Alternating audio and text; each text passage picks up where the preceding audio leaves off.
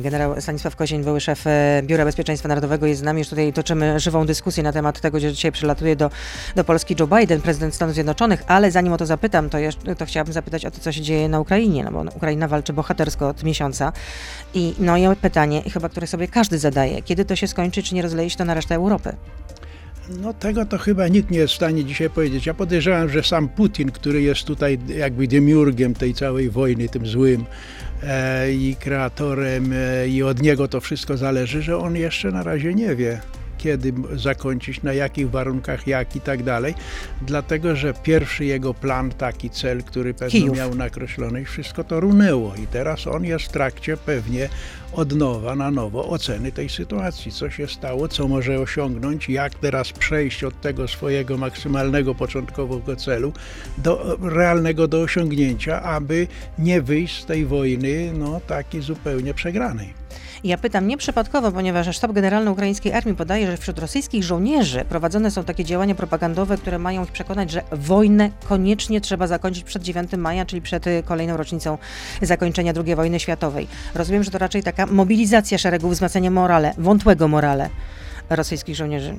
No pewno tak, pewnie przypominają ten 9 maja, bo w Rosji 9 maja w wymiarze zwłaszcza wojskowym i takim narodowym jest e, chyba najważniejszym w ogóle dniem w roku. W związku z tym nie dziwię się, jeśli w armii przypomina się powoli ten dzień, no tym bardziej, że Rosja poszła na Ukrainę pod hasłem tej denazyfikacji. A poza tak. jak to robić parady generalnie 9 no maja? No właśnie, chcą połączyć jak gdyby te dwie wojny, tamtą wojnę oj, ojczyźnianą z faszyzmem i tę wojnę teraźniejszą, że to też jest coś podobnego, więc tego typu propaganda może być. Natomiast co do terminów, ja bym się nie przywiązywał. E, od, od dłuższego czasu, jak gdyby gdyby próbuje się mm, prognozować działania Rosji w stosunku do określonych jakichś dat, takich ważnych nawet, to, to tam święto wyzwolenia, to jakieś inne święto i tak dalej. Mm, myślę, to nie ma znaczenia. Nie ma znaczenia, myślę, że to nie o to chodzi. Plan B według Pana to jest zajęcie południowo-wschodniej Ukrainy, aby ją włączyć do Rosji, czyli rozbiór Ukrainy de facto. No ja myślę, że to, że to jest ten plan, który teraz, wokół którego teraz Putin będzie się koncentrował. Początkowo miał zapewne ten, ten plan szerszy, czyli jakby z dwóch tych elementów obalić władzę w Kijowie i zająć południowo-wschodnią Ukrainę, tę Noworosję, jak on ją tam nazywał. No teraz chyba została mu tylko e, ten, ten drugi element. Kijów raczej nie jest możliwy do zdobycia. Tak, tak to na, na to wszystko wygląda, zwłaszcza, że wojska tego frontu wschodniego, okręgu wschodniego rosyjskiego, które ściągnięte zostały do Białorusi i poszły z Białorusi na Kijów, zupełnie się nie sprawiły. Nigdzie się Rosji nie udało specjalnie na froncie, ale na kierunku tym, gdzie działa ten wschodni okręg wojskowy, no to jest spektakularna klapa zupełna. W związku z tym tamten cel mu upadł, i pewno teraz będzie się koncentrował na tym, aby ten pomost donbasko-krymski y, w wyniku tej wojny uzyskać, utrzymać, nie oddać. A dlaczego armia rosyjska tak się wyżywa na ludności cywilnej? Bo jak podają Ukraińcy, to tysiące ludzi nie żyją, w tym 128 dzieci. No to jest bestialstwo.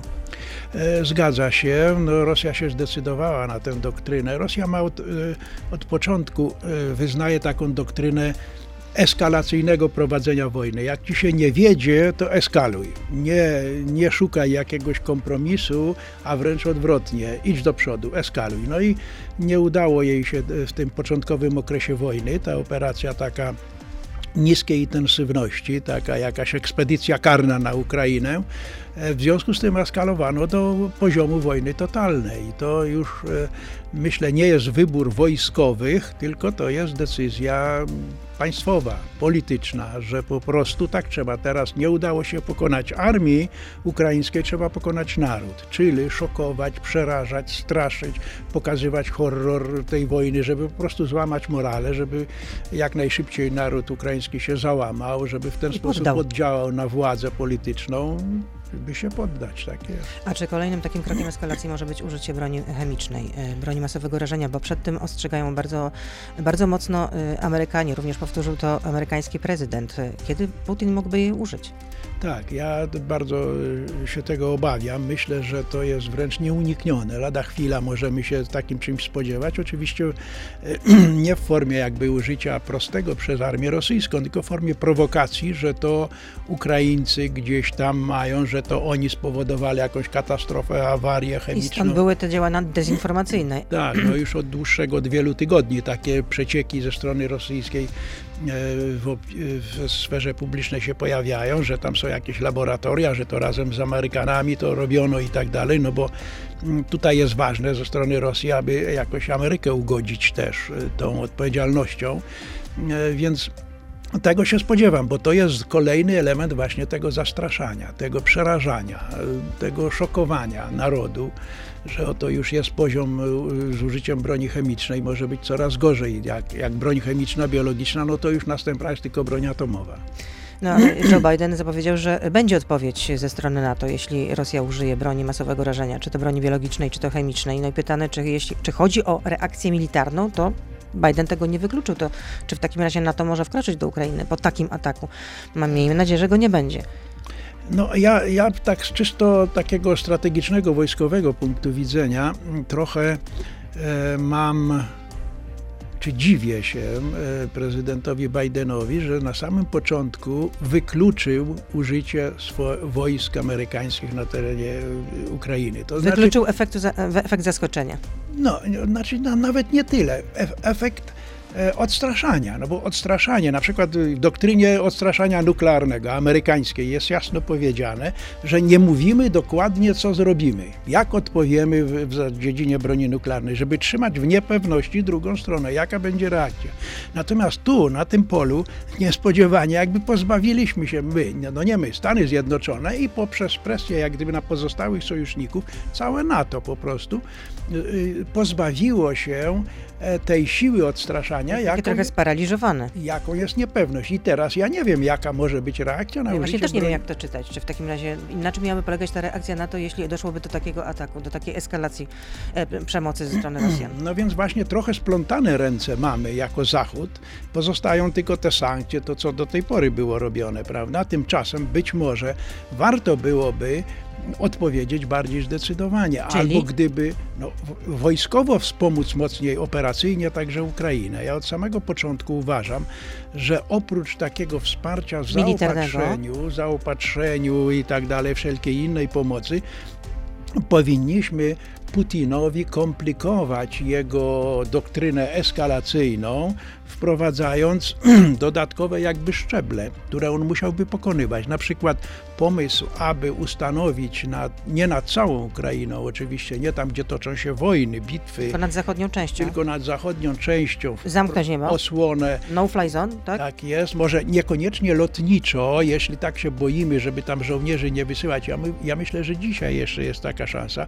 A na przykład powiedzieć obronę przeciwrakietową zapełniamy. Tak? Wszelkie rakiety, które będą wlatywały na zachodnią Ukrainę, tam do jakiejś, będziemy zastrzeliwać po prostu, nie wlatując samemu w tą przestrzeń, prawda? I to już by była dla Rosji jakby kolejna bariera, co robić? No, wystrzeliwać te rakiety, skoro tam one są zestrzeliwane, no to co robić? Jak e, e, wywoływać wojnę z Zachodem, tak, atakować NATO, przekraczać granice i tak dalej. Putin sam sobie do tej pory ustawia te szczeble eskalacyjne i wybiera ten, który jest mu wygodny, a który niewygodny omija. A Zachód Trzeba- jest reaktywny. Tak jest. Trzeba mu postawić te samemu szczeble. To jest podobna sprawa, trochę jest z tą misją naszą tutaj nieszczęśliwą. Jeszcze o tym rozmawiamy, ale jeszcze chciałabym zapytać właśnie w tej części radiowej, czego się pan spodziewa po wizycie Joe Bidena w Polsce? E, Czego się spodziewam? Tak. No ja myślę, że przede wszystkim spodziewam się jakiejś informacji w, tej, w tym wymiarze wojskowym, o jakichś dodatkowych żołnierzach amerykańskich, oprócz tych natowskich. Stałe bazy tej w Polsce amerykańskie? Nie wiem, czy tego słowa użyję, ale myślę, że my powinniśmy tego oczekiwać. I dobrze, że nasz prezydent, rząd jak gdyby zwracają na to uwagę, że to jest potrzebna zmiana formuły obecności. I gdyby to powiedział, to byłoby coś ważnego, prawda? Bo to by oznaczało, że na zbliżającym się szczycie NATO na pewno taka decyzja się znajdzie. E, Druga sprawa ważna, gdybyśmy od niego usłyszeli na przykład, że odcinamy się czy odrzucamy już zupełnie te, to e, porozumienie natowsko-rosyjskie o niestacjonowaniu wojsk i tak dalej, że to jest sprawa już nie była, Rosja to połamała. To jest ważna jakby taka dyplomatyczna, na tym dyplomatycznym poziomie. E, no i kolejna sprawa, nie wiem, e, może w zakresie tej pomocy humanitarnej jakieś wsparcie amerykańskie dla Polski, ponieważ my jednak ten główny ciężar e, ponosimy, a myślę, że prezydentowi będzie Bidenowi zależało, aby tam w Ameryce zrobić dobre wrażenie, aby jakieś owoce z tej wizyty uzyskać, więc e, ponieważ Polska i to ten kierunek polsko-ukraiński jest ważnym tematem, punktem, wszyscy jest pewnym symbolem także w Ameryce te, tego, tej całej ważnej sprawy, e, więc jakieś takie dowartościowanie czy, czy wspomożenie Polski tutaj by jemu się bardzo opłaciło, więc być może coś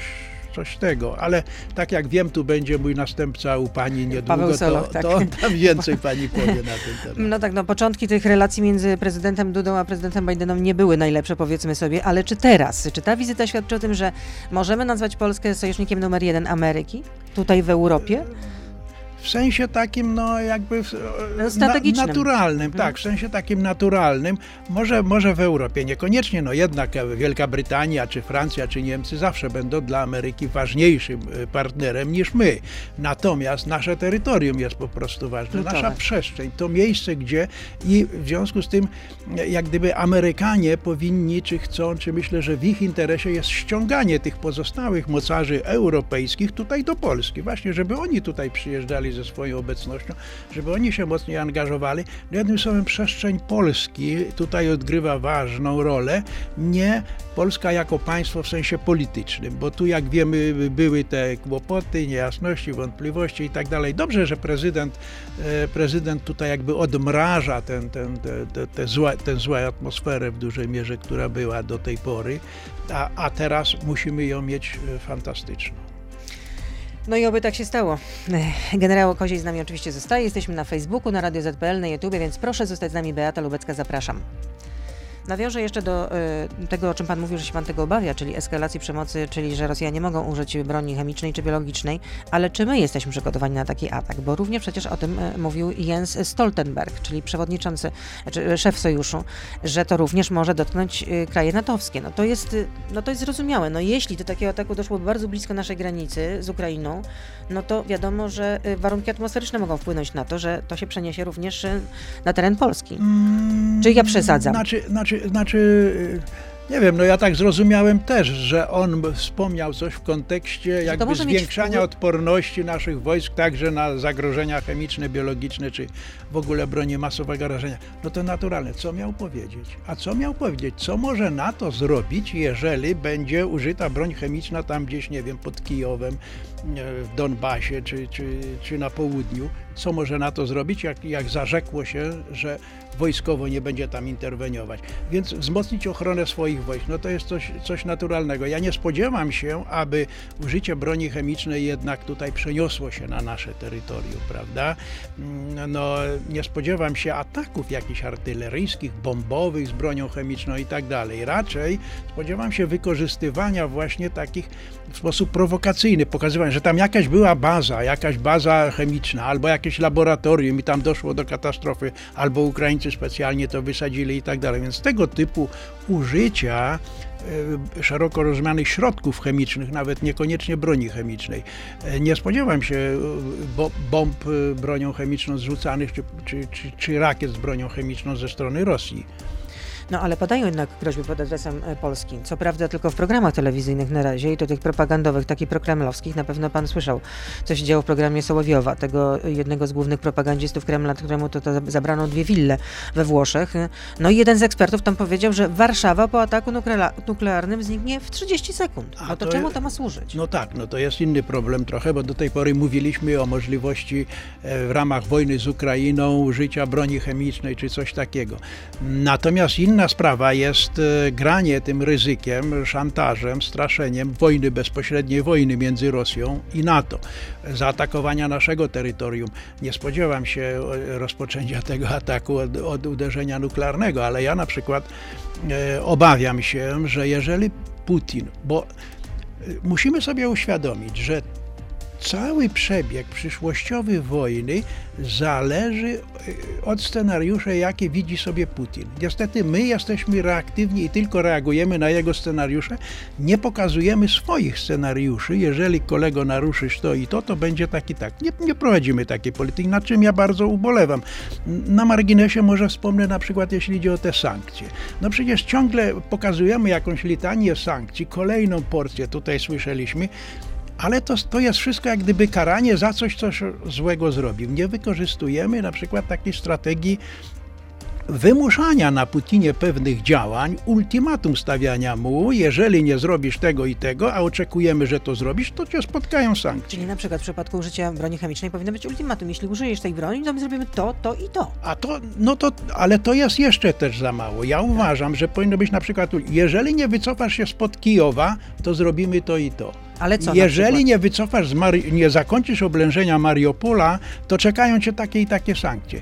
No chodzi o to, żeby nawet te sankcje, które my stosujemy na Putina, wykorzystywać nie tylko jako kara za coś złego, co on zrobił, ale jako Straszak.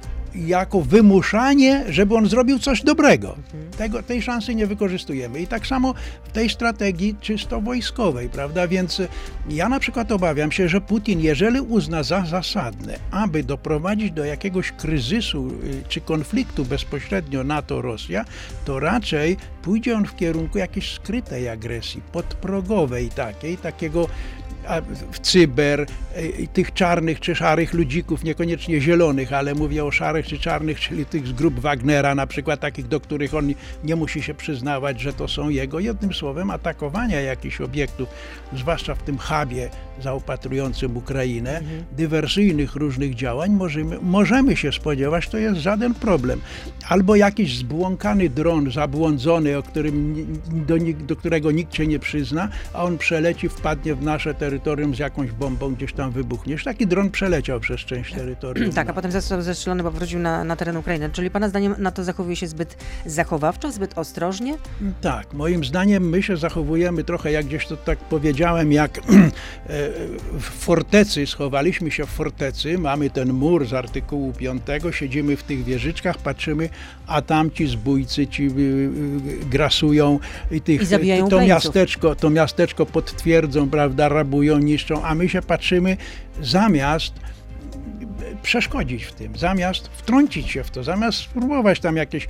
No jest taka taktyka nawet ze średniowiecza, takie podjazdy, różne rajdy, wypady przeciwko temu, temu agresorowi, który pod fortecą stoi.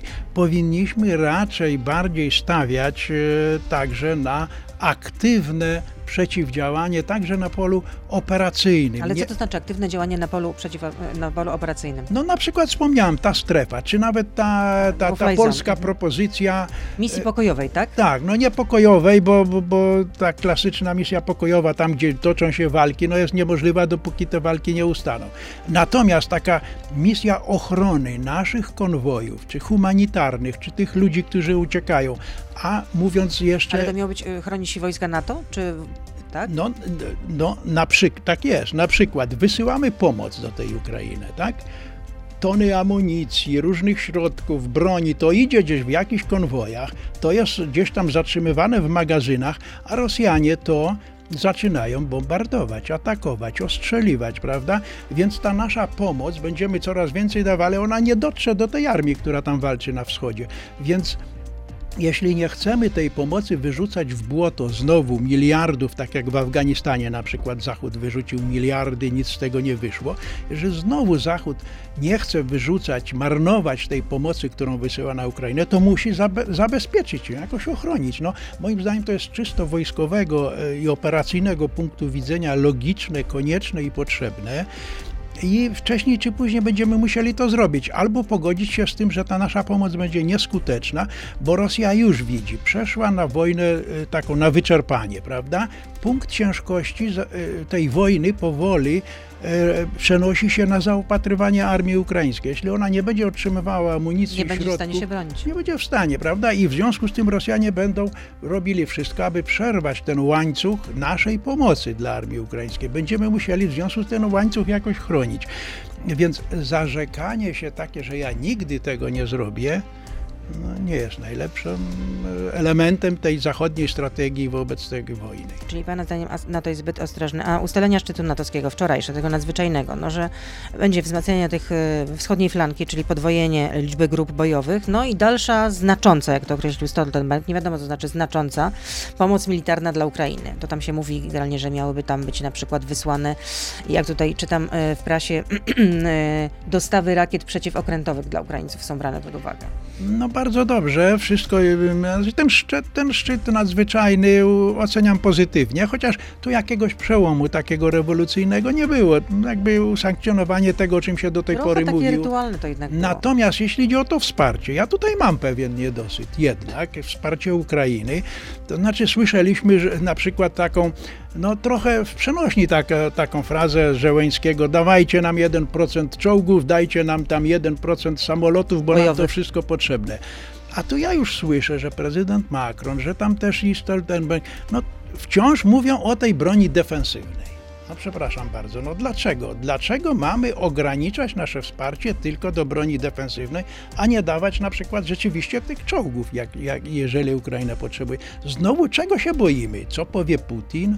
No on powie to, co chce. On, czy, czy my mu Boimy damy się, rozumiem, że wejdzie w konfrontację z NATO, no ale czy mógł- miałby... no ale ja, no, no jak, no to co znaczy co, wyda nam wojnę z tego powodu, dla niego wojna teraz z NATO, kiedy on przegrywa z samą Ukrainą wojnę. Jak mógłby sobie poradzić z całym Sojuszem Północnoatlantyckim, No tak? więc właśnie, czy on jest w stanie... yy, Jeszcze członkiem NATO jest Turcja z, ogromną armią. Tak, przekroczyć próg. W związku z tym ja myślę, że już pora zakończyć to mówienie, że wysyłamy tylko broń defensywną. Wysyłać każdą Trochę broń drepczemy w miejscu, można powiedzieć. Każdą broń, jak jej Ukraina, jest potrzebna mało tego. Uważam, powinniśmy zaopatrywać Ukrainę także w broń dalekiego zasięgu, żeby ona mogła ostrzeliwać nie tylko obiekty rosyjskiej armii, które są na terytorium Ukrainy, ale także obiekty na terytorium Rosji. No ta, te warunki wojny muszą być jednakowe dla dwóch stron walczących. Nie może być tak, że Rosja boksuje i mm, różne ciosy, a, a Ukraina tylko jedną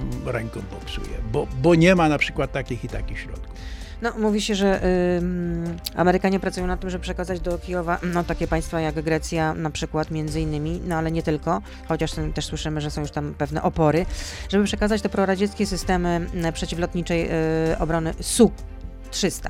Tak, uważam, że to jest jak najbardziej zasadne i tu w ogóle wszystkich, wszystkie kraje w NATO, które mają takie środki poradzieckie, No, bo Amer- to Ukraińcy umieliby to obsługiwać, Tak umieją jest, to nie, obsługiwać. nie ma problemu z przygotowaniem, Tak. ale także tych różnych nowoczesnych. Przecież można tych Ukraińców tutaj przywieźć do NATO, żołnierzy, o, nauczyć ich obsługiwania sprzętu również troszkę bardziej skomplikowanego, żeby później umieli go wykorzystywać. A ta obrona przeciwlotnicza Su-300 to jak się ma... S-300. S-300, rak- przepraszam. Jak się ma to do, y, do patriotów amerykańskich? No to jest mniej więcej e, podobnego rodzaju broń dostosowana do zwalczania samolotów i rakiet, czyli obrona e, przeciwlotnicza i przeciwrakietowa, tego typu środki e, rosyjskie i one są bardzo ważne dla Ukraińców, e, dlatego że ta walka o panowanie w powietrzu jest dla nich szczególnie istotna. Dzisiaj głównie z powietrza niszczona jest Ukraina.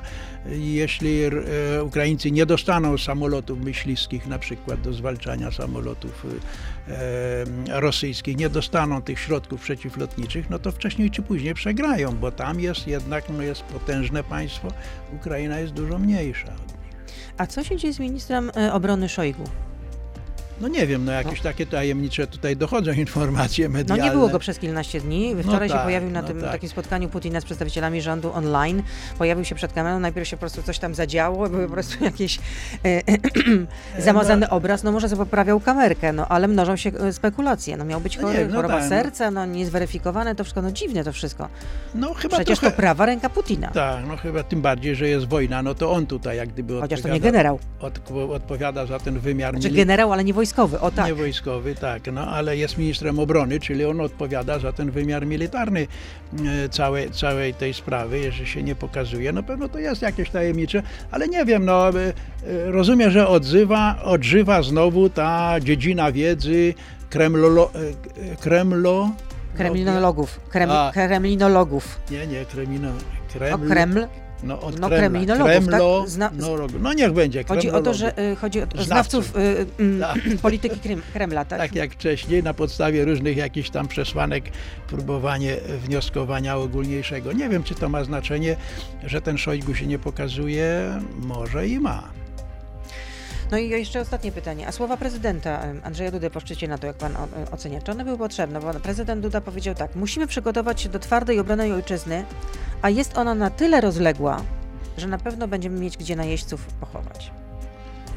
No każdemu coś tam się wyrwie czasami, e, może e, jak na głowę państwa, może coś za mocno powiedziane albo zbyt tak sproszczone. Rozumie, co chciał powiedzieć. No chciał po prostu powiedzieć, że jesteśmy zdeterminowani bronić się, nie atakujcie nas, my tutaj się nie będziemy poddawali. Jakiś element odstraszania, no może troszeczkę nie najlepszy. Dziękuję bardzo. Za tę rozmowę generał Stanisław Koziej, były szef e, Biura Bezpieczeństwa Narodowego, był z nami. Bardzo dziękuję. Dziękuję bardzo. To był gość Radia Z. Słuchaj codziennie w Radio Z i na player radioz.pl.